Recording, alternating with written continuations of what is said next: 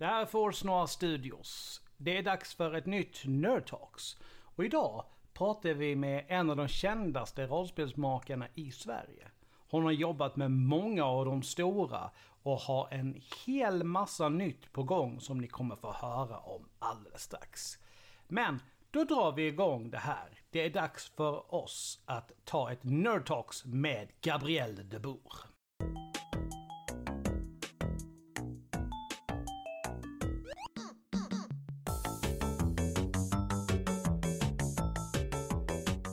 Välkomna till Forsnora Studios och ett nytt Nerd Talks. Idag har vi med ytterligare en kändis inom rollspelsvärlden. Och hon har precis nyligen avslutat lite intressanta projekt, vilket vi kommer till så småningom.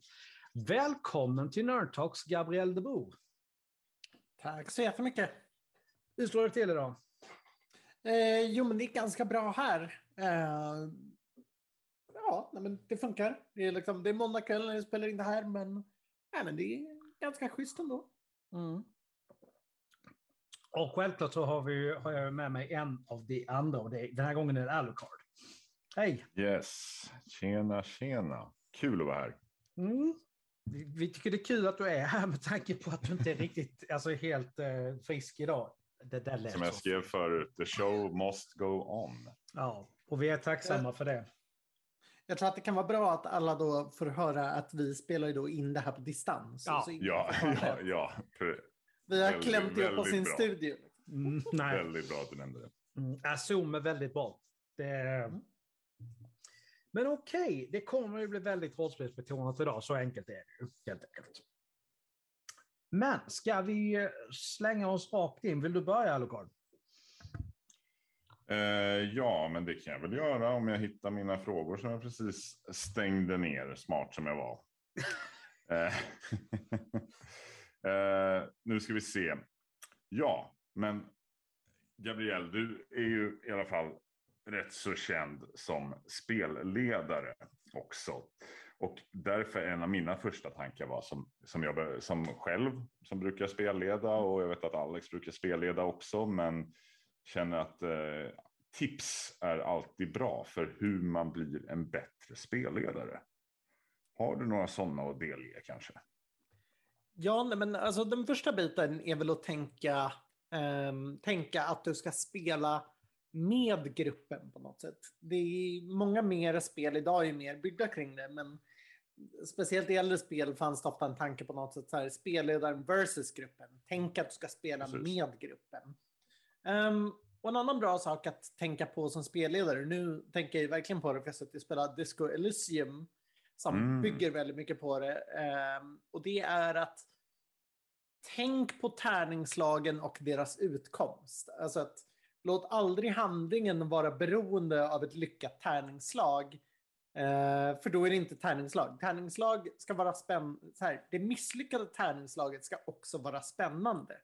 Det kan betyda mer utmaning, det kan ha liksom fail forward mekanik, det vill säga att du kommer framåt i handlingen men du får konsekvenser. Så. Men du ska aldrig tänka att det måste vara ett tärningslag där som måste lyckas för att komma vidare. Um, det är en sån här bra grej tänka. Och sen en jätte, jätte, jätteviktig grej är att prata med din spelgrupp. Um, mm. Våga prata om vad du tänker att det ska vara, vad ni känner att det ska vara och våga prata med dina spelare. Liksom. Um, mm. mm.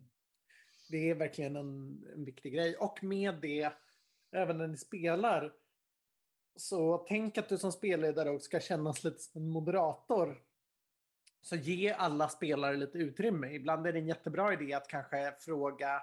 Det, det är väldigt lätt att tänka att liksom, klassiskt i rollspel så har vi alla en roll. Um, då är det jättebra att fråga dem som kanske verkar vara väldigt passiva eller som verkligen inte har med det här som görs just nu att göra och fråga dem vad de gör. För det är ett sätt att hela tiden eh, vara delaktig. Och liksom mm. inte falla ut att okej, okay, ja men nu, nu kanske någon person ska stå och bryta in ett lås. Ja men bra, du som liksom, är vår conman som brukar snacka med folk, vad gör du under tiden? Alltså bara ställa en mm. sån fråga, det gör att du, all, du är mycket mer med i spel och skapar agens. Och sen sist men inte minst är i den mån du kan här, kalla, kalla spelarna efter karaktärernas namn och prata med dem som karaktärerna, inte som spelare så att säga. Någonting som jag rent spontant kommer att tänka på när du säger det, det är att i MUTANT år 0 har de ju verkligen gjort en grej där liksom att alla hjälps åt att beskriva världen. Det är inte bara spelledaren som gör det. Och det tyckte jag var väldigt bra när jag, när jag läste igenom de reglerna. Ja, men, och väldigt, alltså väldigt många fria ligan-spel har ju verkligen det. Det är ju något som du har väldigt mycket i till exempel i varselklotet också. Precis. där det är ju Precis. vanligt att liksom, kommer du till en karaktär så frågar du också spelarna så de verkligen får vara med och beskriva den karaktären. Ehm, så att det är ju en sån här vanlig, vanlig grej där till exempel. Att, ja, men om du börjar ställa, om du är, spelar, om du har en, spe, en rollpersons familj, då får rollpersonen vara med och berätta om dem och sina relation dit för att kunna spela. Mm. Mm. Exakt. Exakt. Ja, eh, mycket, mycket bra tips. Mm. Eh, jag brukar känna så här själv ehm, att ja, i alla fall genom åren. Jag tycker det har förändrats lite eh, den senaste tiden, men tidigare så brukar jag ofta ha grupper som gärna vill bli lite mer styrda, som lite så backar undan från så här, oj, men vad då? Ska vi sätta scenen själva och spelledaren ska inte vara med knappt? Det, hur ska jag göra det här? Men, eh, men det spelar ingen roll. Alltså det finns ju spel som passar för alla. Eh, verkligen. Det finns ju hur många spel där ute som helst. Så det är bara att välja ett som passar för hela gruppen. Jag tror också att en viktig bit är att tänka är att det nödvändigtvis, alltså, det är inte heller att liksom, spelarna nödvändigtvis själva helt sätter scenen, utan där är det bra att just som spelledare låta dem haka på, men också Mm. låta dem fylla i, men vara också själv beredd med liksom, lite svar, så att det inte måste hänga på dem. Alltså, Nej. det ska vara en... eh, It's an invitation, not an expectation. Så att säga. Mm. Mm. Ja, men Ja, bra mycket, bra. Du, just när jag pratat nu, nämnt Vasselklotet, precis. Mm. Du skrev ju i skräckfilmen Skugga för Ur Vasselklotet. Mm. Vad hade du för inspiration till det äventyret? Eh, det står ju i början, för den som är nyfiken, så står det en lista, eh, bokstavligt talat, med eh, min inspiration eh, med Vision of the Body Snatchers, They Live, Stepford Wives och Videodrome. Så, eh, mm, eller den, det är inspiration som liksom, hur du kan inspireras till när du spelar, men det var ju, ehm, Mm. det fanns ju definitivt delar med det. Jag, mitt typ först, jag hade så här, min absolut första inspiration var bara, men det är ju varselklotet, det är 80-tal, jag vill skriva något om videovåld, för videovåld är 80-tal, jag älskar skräckfilmer. Så det var liksom därifrån det började och sen så hade jag en idé på några av SLP-erna och sen skulle vi komma på handlingen. Så jag pitchade rätt många liksom, varianter, men den som blev bäst och den som ligan gillade var en som liksom, hade arbetsnamnet Stepford Kids. Så jag byggde vidare på. Och sen blev den till eh, jag, jag visste titeln redan från början i skräckfilmen Skugga. För det är ju en referens till John Carpenters skräckens skugga. Yes. En av mina absoluta favoritfilmer, den är så jävla bra. Det, Ja, jag tror att det, det finns mycket Carpenter-referenser i allt som jag skriver. Men det var också en sån här att den är också en form av metaskräck och det är det här också. Så det kändes mm. naturligt. Ehm, Just Videodrome är ju, alltså, enligt mig, en av Cronenbergs bästa. Så jag tycker det är ändå kul att den fanns med som inspiration. Den är ja, väldigt speciell. det är den verkligen. Long live the new flesh. Och, Ja. eh, och den jag tycker är hans bästa är ju Flugan. Den är ju faktiskt med i äventyret. Så att rollpersonerna kan Mm. hyra den. Eh, Okej. Ah. I början. Så får de tips på filmer de kan hyra Mm. och då är det en av dem som de faktiskt kan, som, som jag har beskrivit som en möjlig att hyra. Mm. Mycket, mycket bra filmer där. Ja, verkligen. Um, ska vi se. Ska, jag funderar Alex på dina frågor passar mig lite mer in här. Ska du ta din nästa? Ja, men ska, jag, ska jag dra av dem och så, så Mm, kan ja, vi... men gör det. Ja, mm. Så blir ordningen lite bättre. Känns som. För inte så länge sedan så gick det ju en eh, grej som hette Skymningsland i, Mm. eh, i P3 Play var det väl och sen och då även på Spotify. P1. P1, förlåt. Det, det där visste jag egentligen. Fan vad hemskt. Nej, men eh, också, också på Spotify, det var där jag hittade den. Och du har ju skrivit fredagsmys där. Mm. Och hur kom det sig att du fick det uppdraget? Alltså, Skymningsland är en serie med skräcknoveller skrivna av olika svenska skräckförfattare som producerades, eller producerades av Sveriges Radio. Eh, första två säsongerna var 80-tal och sen säsong tre då blev 90-tal. Och eh, jag hade gjort lite, jag hade gjort ett panelsamtal med Sveriges Radio och sen skrev de till mig och var så här, nej men du, vi, eh, vi, vi gör nya säsongen nu, eh, skulle du vilja vara med och skriva en, en av novellerna? Liksom, med en 90-talssättning. Och det är så här, ja men det är klart jag vill. Mm. Eh,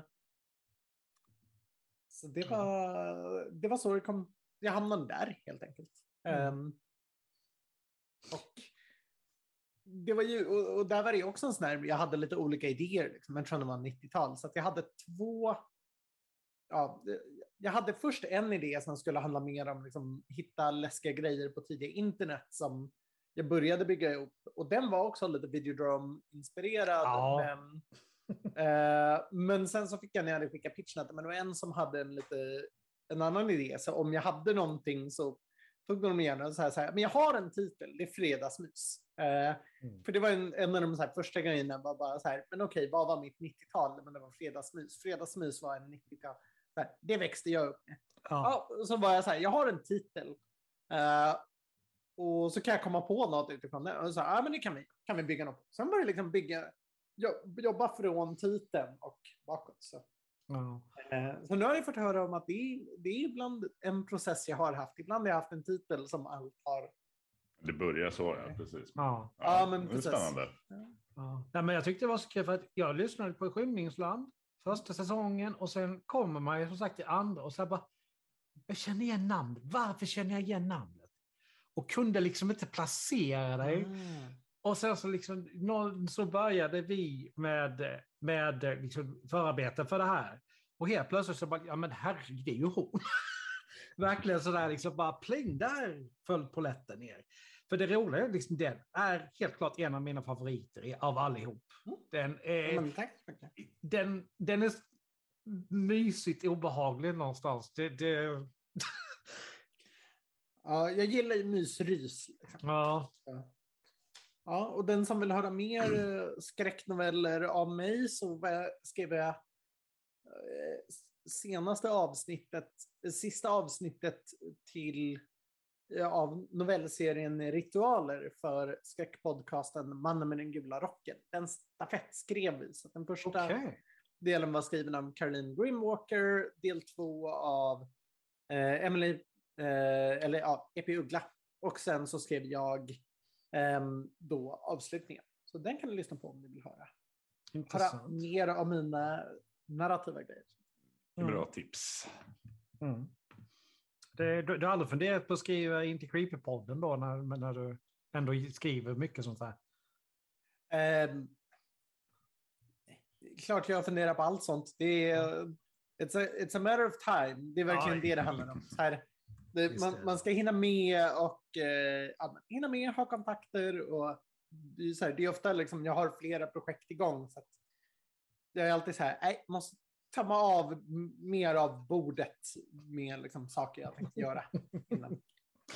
Jag kan känna igen det. Jag har konstaterat när vi spelade in annan grej igår, så här en sju, åtta stycken olika grejer jag målar till cosplay. Alltså vapen som ligger där borta. Sju, åtta, och jag har påbörjat allihop, men jag blir inte färdig. Så jag... Eh, I can relate. All right. Eh, nu tar vi eh, ett steg bakåt i tiden här lite grann. Och Mm. jag delar upp, jag skrev det som en på men jag delar upp det här. Vad är queer-nördarna för någonting?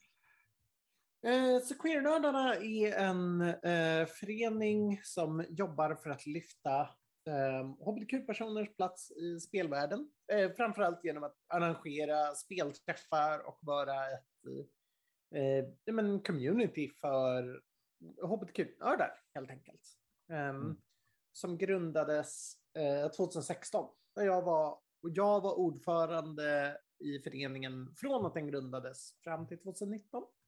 All var right. med. Och eh, det, det var lite min, min första claim to fame, så att säga. Eh, Ja.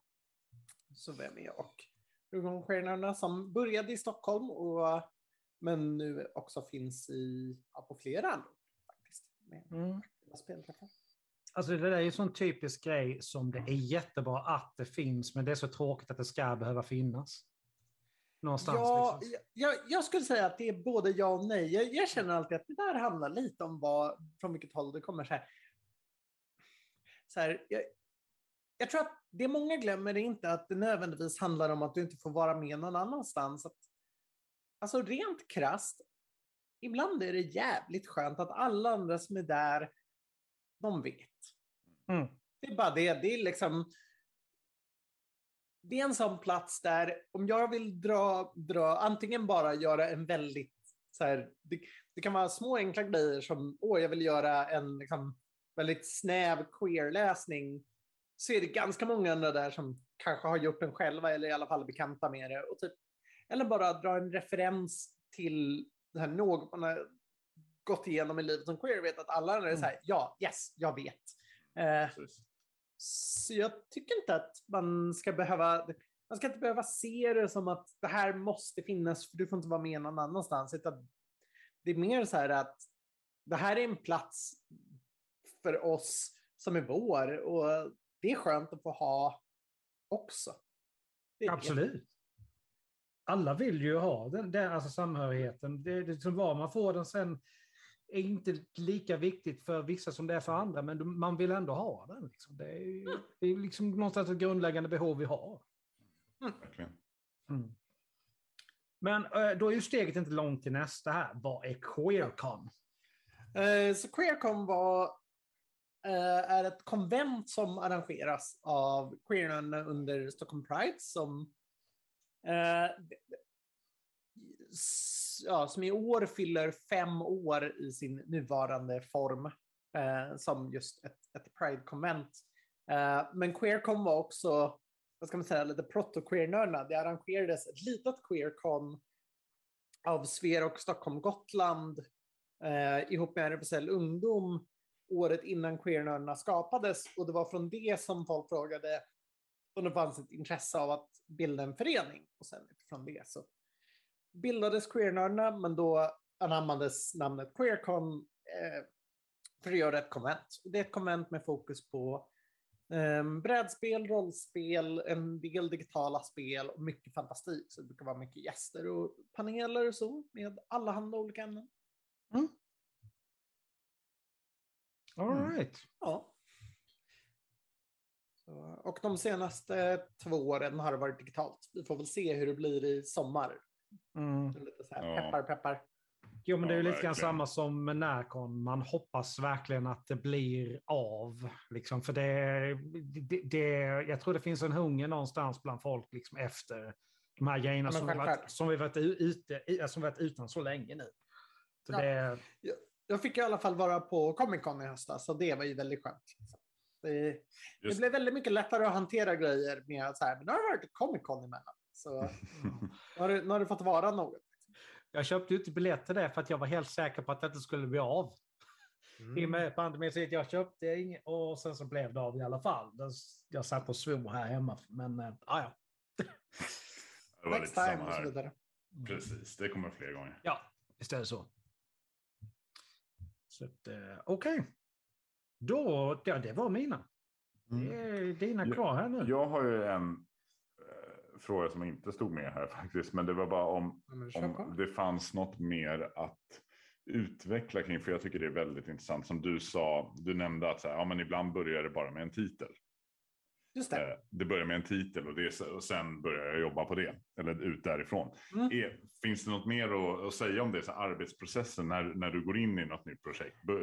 Nej, men det, alltså det, det, det växlar jätte- jättemycket. Mm. Så, så ehm, det är olika att liksom, det är också lite olika vad det är för förutsättningar. Så att en del är det ju så att jag har kommit till förlagen. Mm. Oftast är det väl så nu att förlagen kommer till mig.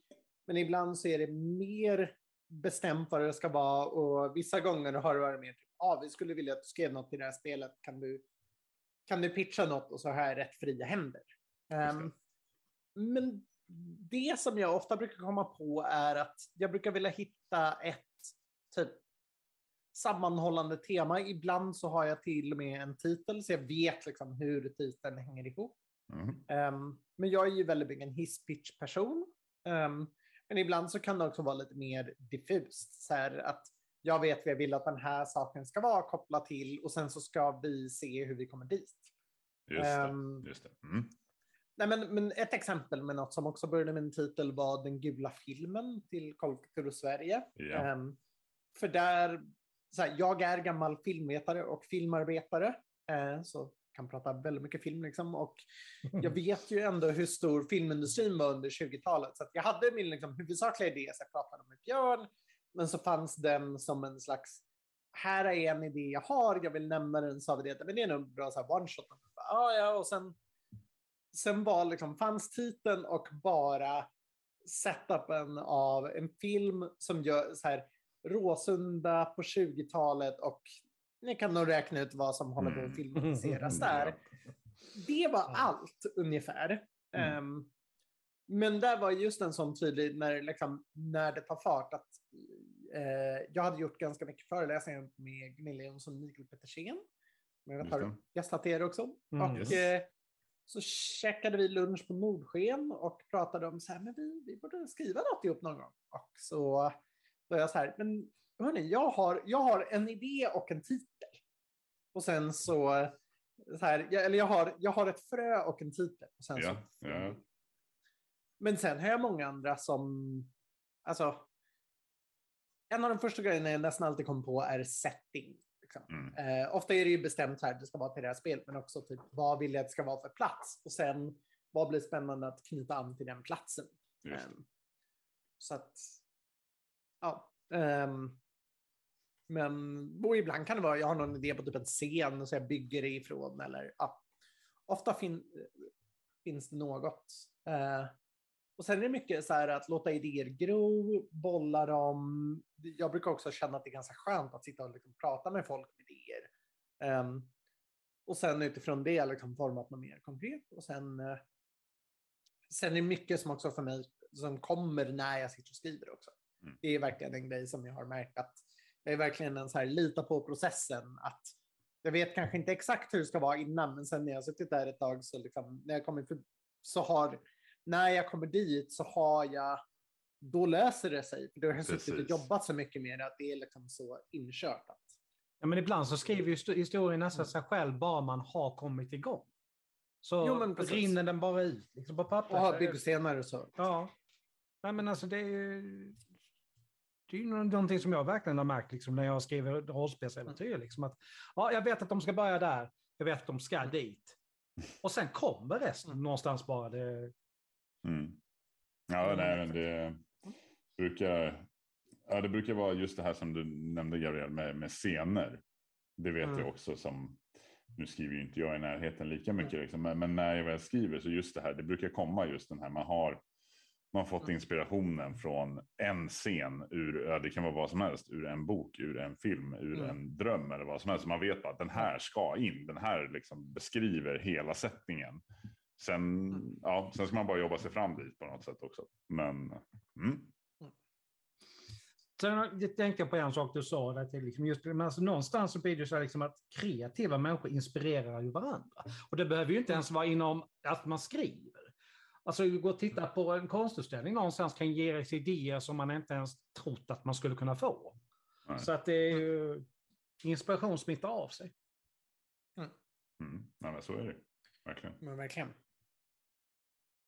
Mm. Ja, eh, Mm. men då också så här, nu vid det här laget så har du ju ett antal eh, projekt och jobb och så Mhm. bakom dig och du har säkerligen, för, eh, säkerligen ett hel del framför dig också. Men, men än så länge, än så Mm. länge, vad är det du har lyckats åstadkomma idag som du känner dig mest stolt över? Alltså det är alltid, alltid svårt att pick favorites för att allt växlar väldigt mycket. Ja, Så är det såklart, jag vill inte göra någon, jag vill inte göra någon ledsen.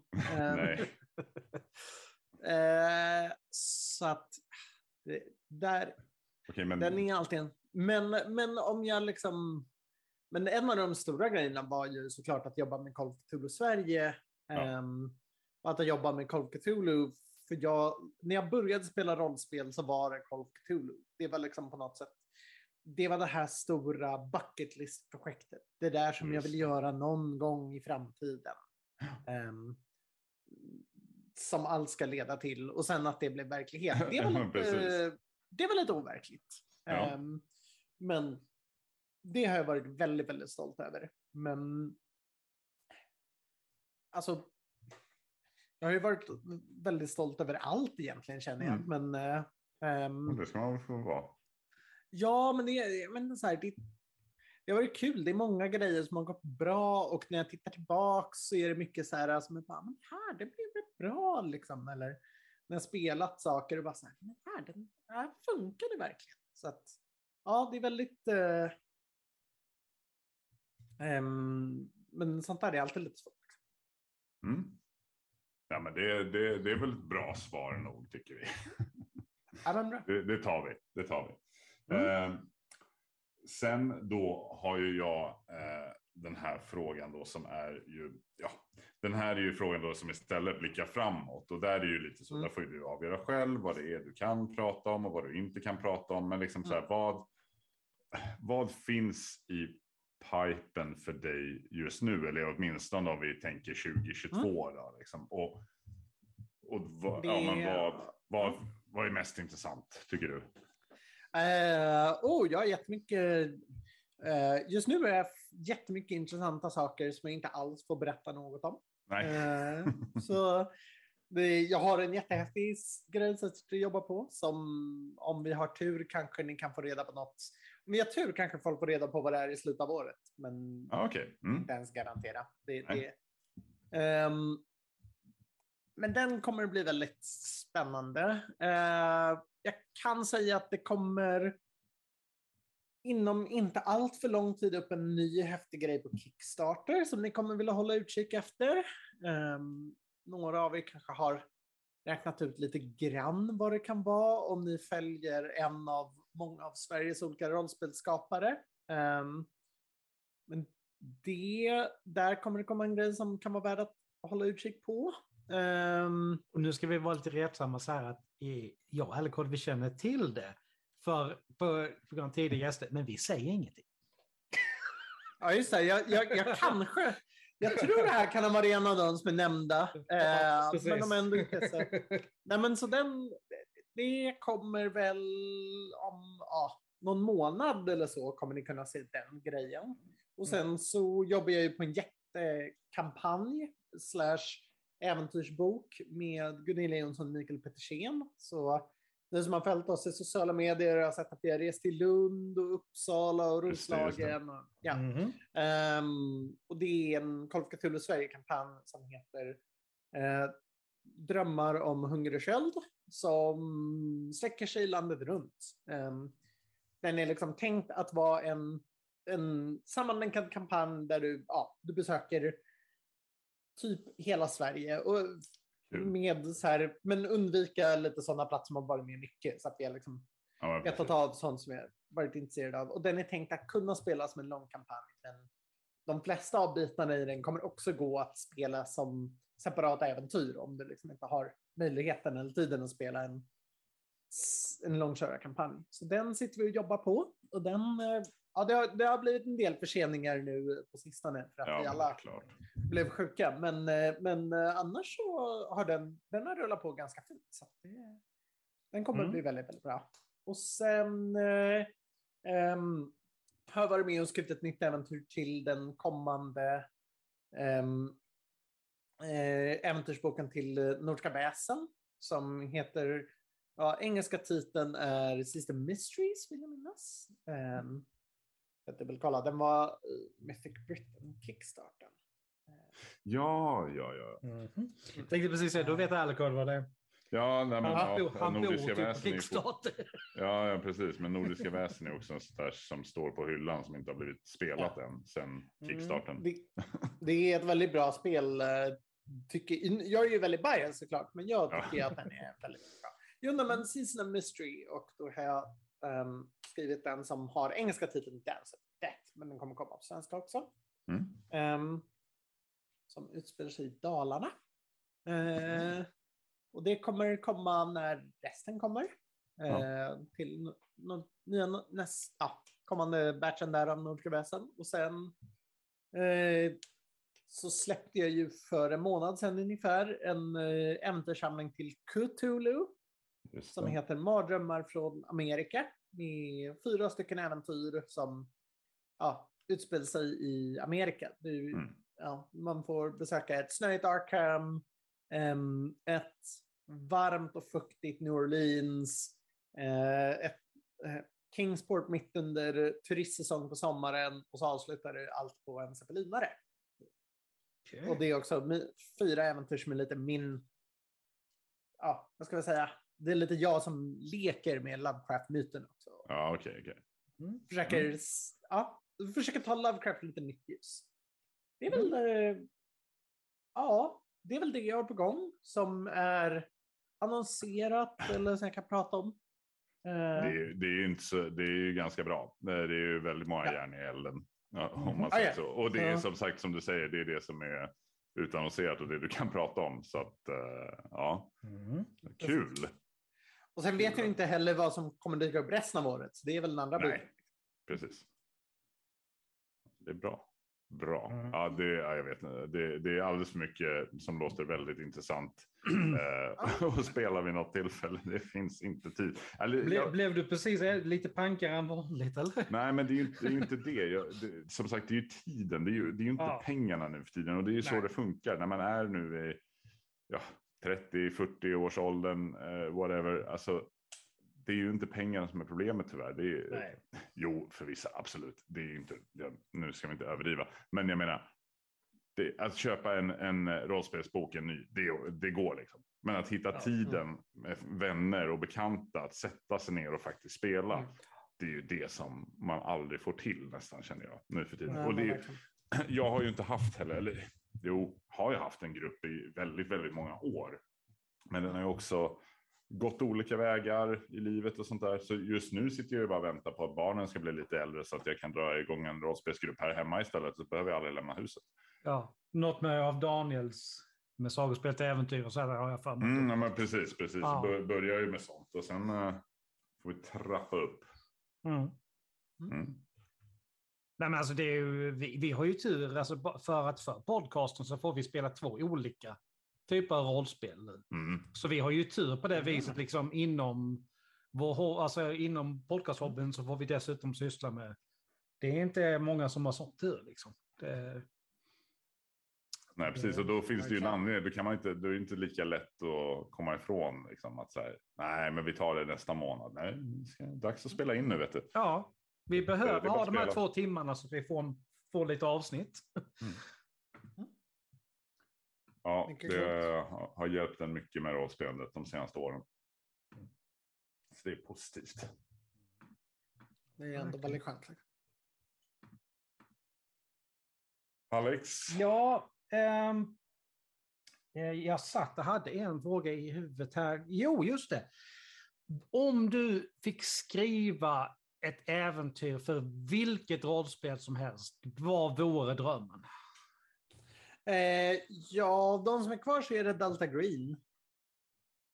Eh, Det känner jag inte älskar- till faktiskt. Eh, så Delta Green är en... Började som en settingbok till Call of Cthulhu men är sedan 2016 ett eget spel. Ehm, det är ungefär Call of Cthulhu möter X-Files och sen nu Oh flyttat till nutid. Så det är ungefär så här, ni är Black Ops-agenter som utreder fall som rör mytosen, men det är väldigt, väldigt cyniskt. Det bygger mycket på att spela karaktärer som liksom går sönder ungefär. Och den är lite så här, ja, det är, ni förstår vad det här är i mytosen. Det är liksom inte det, utan problemet är, okej, men hur ska vi stoppa det från allmänheten och framförallt hur ser vi till att ingen upptäcker vad det är det rör sig om? Eh, Jag är såld, här är mina pengar, när kommer den? Nej, men, men, men ja. Delta Green Jag ska- har jag- funnits länge, va? Mm. precis. Det kom... Första utgåvan kom för typ ja, lite mer än 20 år sedan. Så att de Ja, gjorde precis, en precis. Kickstarter ja, som var då Delta Green The Conspiracy som då bygger på den gamla 90-talssättningen. Men, men eh, som sagt, den senaste versionen kom, ja, 2016 då kom det som så att säga var ett eget spel. Mm. Ehm, det bygger på sam, grunden på Call of Cthulhu 7th edition-reglerna med lite ändringar. Ehm, och framförallt en hel del anpassningar. Så den stora biten är att du typ har bonds som är liksom folk i din närhet. Och ju mer du spelar, ju mer trasig du blir, desto mer går de ner. Ehm, ja, men Mm. ja, vid det här laget så är det mer så här, jag ska, jag ska ha tid och jag ska komma på en bra idé så att jag kan höra av mig till, till dem och säga, hörni, jag vill skriva för Delta Green. Mm. Vilka är det som sitter på Delta Green nu då? Det, det är Arc Dream Publishing, säger du det? Den nyfikna. Så, Mm. Ja, ifall Who man vill knows? kolla upp. Ja, definitivt. Men då har jag en grej till som dyker upp här då. Om du fick skapa liksom ett helt eget originellt rollspel, hur skulle det se ut? Ja, alltså nu är det ju... eh, Nu har ni passat på att faktiskt fråga. Så här, jag har ofta varit en som inte är så jätteintresserad av att skapa ett eget spel. För att jag, jag är en berättare, inte en... Eh, Regelmakare. En, nej, precis. Jag Ja. är en som tycker Grill är rätt tråkigt så. Men jag har suttit och spelat väldigt mycket Disco Elysium senaste dagarna och haft, jag har haft lite sådana här idéer som har grott också. Att jag skulle vilja göra ett um, eh, alltså ett, ett det här ska gå, ett, hur ska vi säga, hur ska, ett valfokuserat rollspel som bygger hårt på rollspelande. Um, det är också, jag tänkte både på med Disco Elysium jag, eh, och när jag spelade till exempel Life is Strange. Ehm, och så tänker jag att settingen ska vara lite liksom Twin Peaks aktig Oh. känsla. Så ni kan antingen, antingen spela liksom tonåringar som gräver i det märkliga. Grunden ska vara liten småstad där det händer märkliga saker. Ehm, och sen så kan det finnas olika ingångar. Antingen att ni spelar liksom poliser eller att ni skulle kunna vara ungdomar. Men, eh, men grejen skulle vara att ha en regelmekanik som bygger på att fatta beslut och val.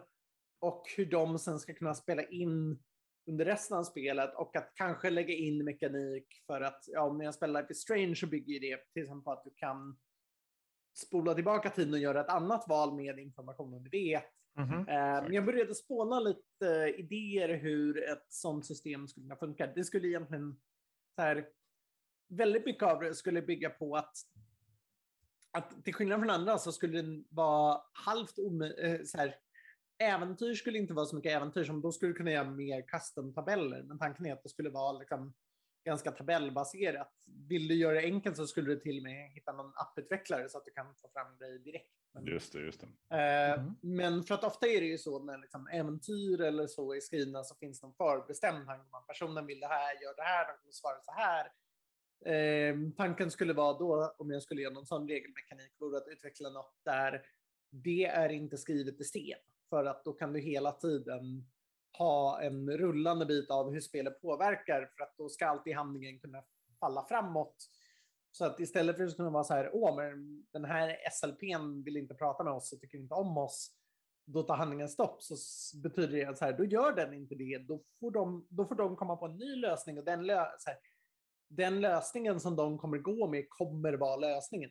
Så Just det. det är väl också lite taget från liksom samberättande spel som typ Fiasko eller Lovecraft eller så. Men till skillnad från dem så skulle det här ändå på något sätt ha en spelledare. Så det ska ändå finnas liksom player agency-biten. Ja. Eh, lite så här, ja, det är väl något om jag skulle ha någon idé att utveckla ett eget spel så är det där som en början. Början. Men, You had me at Twin Peaks. men tack. You had Ja. med Disco Elysium. Ja, nej, men alltså Twin Peaks är något av det bästa jag någonsin har sett. Alla kategorier någonsin. Alltså det är, Mm. Jag vet inte hur många gånger jag har sett alla. och- För inte, tyvärr inte den senaste. Jag har inte köpt den revival-serien som gick för ett tag sedan. Men de gamla Mm. avsnitten vet jag inte hur många gånger jag har sett. Det är... Ja. Ja, Bra, bra grejer. ja. Mm. David Lynch. Alltså jädrar. Alltså, ni, följer ni hans YouTube-kanal? nej, Nej, nej. Jag, får, jag får mardrömmar av hans grejer. Alltså det är Eraserhead, jag såg den igen. Jag hade mardrömmar i två dagar. Alltså det är så jävla weird den filmen. Ja, jo. Ja, nej, jag, jag skulle väl säga att hans YouTube-kanal känns till en viss grad också som bland det mer weird han har gjort. Han, eh, han ger en väderleksrapport varje dag. Så eh, varje dag lägger han upp en video med vad det är för väder och de går ungefär så här. Good morning, it's January 24th, 2022. The temperature here in LA, the temperature is um, 61 degrees Fahrenheit. Hoping to... Nu kan jag inte Fahrenheit, men ah. Nej, men. Insert number of Oh. Fahrenheit. Ja, ja, And we're precis. hoping that it goes up to this degree in the afternoon. And, we're, and hopefully you will get blue skies, golden sunshine. Today I'm also thinking about... Och så är det någon sak han tänker på för den dagen. Och sen Ja. ja. säga Have a great day everyone. Och det har han gjort i ja, snart två år. jag, sitter och, ja, jag sitter och scrollar nu. Men då är det det. Det är alltså varannat klipp är väderleksrapporten. Ja, och det andra är och dagens nummer. dagens nummer. ehm, Ja, precis. Och han drar ett nummer. Det är, Mm. det det är inte kopplat till något. Så det är Nej. inte något liksom spel eller så, utan han drar ett nummer. Men det, finns, det är en väldigt aktiv fandom och lore kring det här. Alltså, speciellt när han avslöjade numren var väldigt spännande. För det började med att han liksom satt med en burk. Han har en burk där han drar de här numren. Och så sa han så här. Today, you, many of you might be wondering why I'm holding this jar. Och sen sa han inget mer och bara fortsatte så alla var så här. Men vad, och sen har folk börjat liksom försöka tänka så här. Men de här numren, what can it mean? Eller någon har varit så här. It's gotta be seven. Det var väldigt länge i början där folk ville ha en sjua. Det tog tid innan det kom en sjua. Och, ja, det är, det är väldigt intressant. Det är, liksom, det är, det är väldigt lynch. eh, för att det är Mm. väldigt så här. Ja, men han gör det här. Och på något sätt är det nästan det konstigaste han har gjort för att det är så väldigt liksom det är ju inget mer, men det är också därför det är så spännande, för att alla är så väldigt invested. Ja, ja, ja precis. Ja, Nej, så jag brukar får- försöka hålla in det här. Ja, nej, Måste alltså, man jag börja från början eller spelar det någon? Missar man någonting? Nej. Eh, nej, utan det är så här, det finns vissa avsnitt som är väldigt... Mm. Vissa datum som var, var, var bra. Liksom. Ehm, Mm, mm. Den första med The Jar är ju bra och eh, han... Ja. Men eh, nej, det är verkligen bara så här, kolla, är kolla. Du kan alltid se om det är någon som har extra många views. Ja, men är det precis. ett precis. värt datum att titta på. Exakt. Ja, ja spännande. Vi får ta, Ja. ett, eh, ta ett avsnitt och prata film och filmskapare också. mm, definitivt. Ja, har du någon mer fråga Alcon Så tror jag faktiskt att vi ska runda av. Jag har inte det. Jag har fått så otroligt mycket bra eh, Ja. respons här från Gabriel. Så Ja, att, eh. Mm. det finns så mycket att titta på nu och jättekul med alla tipsen och mm, allting. Och även Det för, låter så. För både Mm. för oss och för lyssnarna såklart. Ja. All right. Då så säger jag tack så mycket för att du ville vara med oss idag. Tack så mycket för här. Tack Alcon för att du trots att du mår dåligt tar dig ur sängen och gör detta. Självklart, jag ville inte missa det här. Tack så Mm. mycket Gabriel för att du kom. Ja, tack att jag fick komma. Och till lyssnarna säger jag som jag brukar göra. Hoppas att ni fått ut något av våra, vårt chatter här. Vi har haft väldigt trevligt. Hoppas att ni har haft det. Nerdtalks är tillbaka om en månad. Tills dess, ta hand om er. Så hörs vi snart. Peace! Singeling.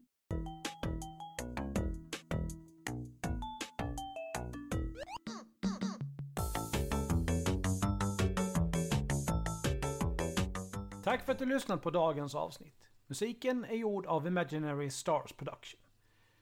Ni kan följa oss på sociala medier. Vi finns på Facebook, Force Noir Studios, Twitter, at Studios Noir och Instagram, Force Noir Studios, där skrivet som ett ord.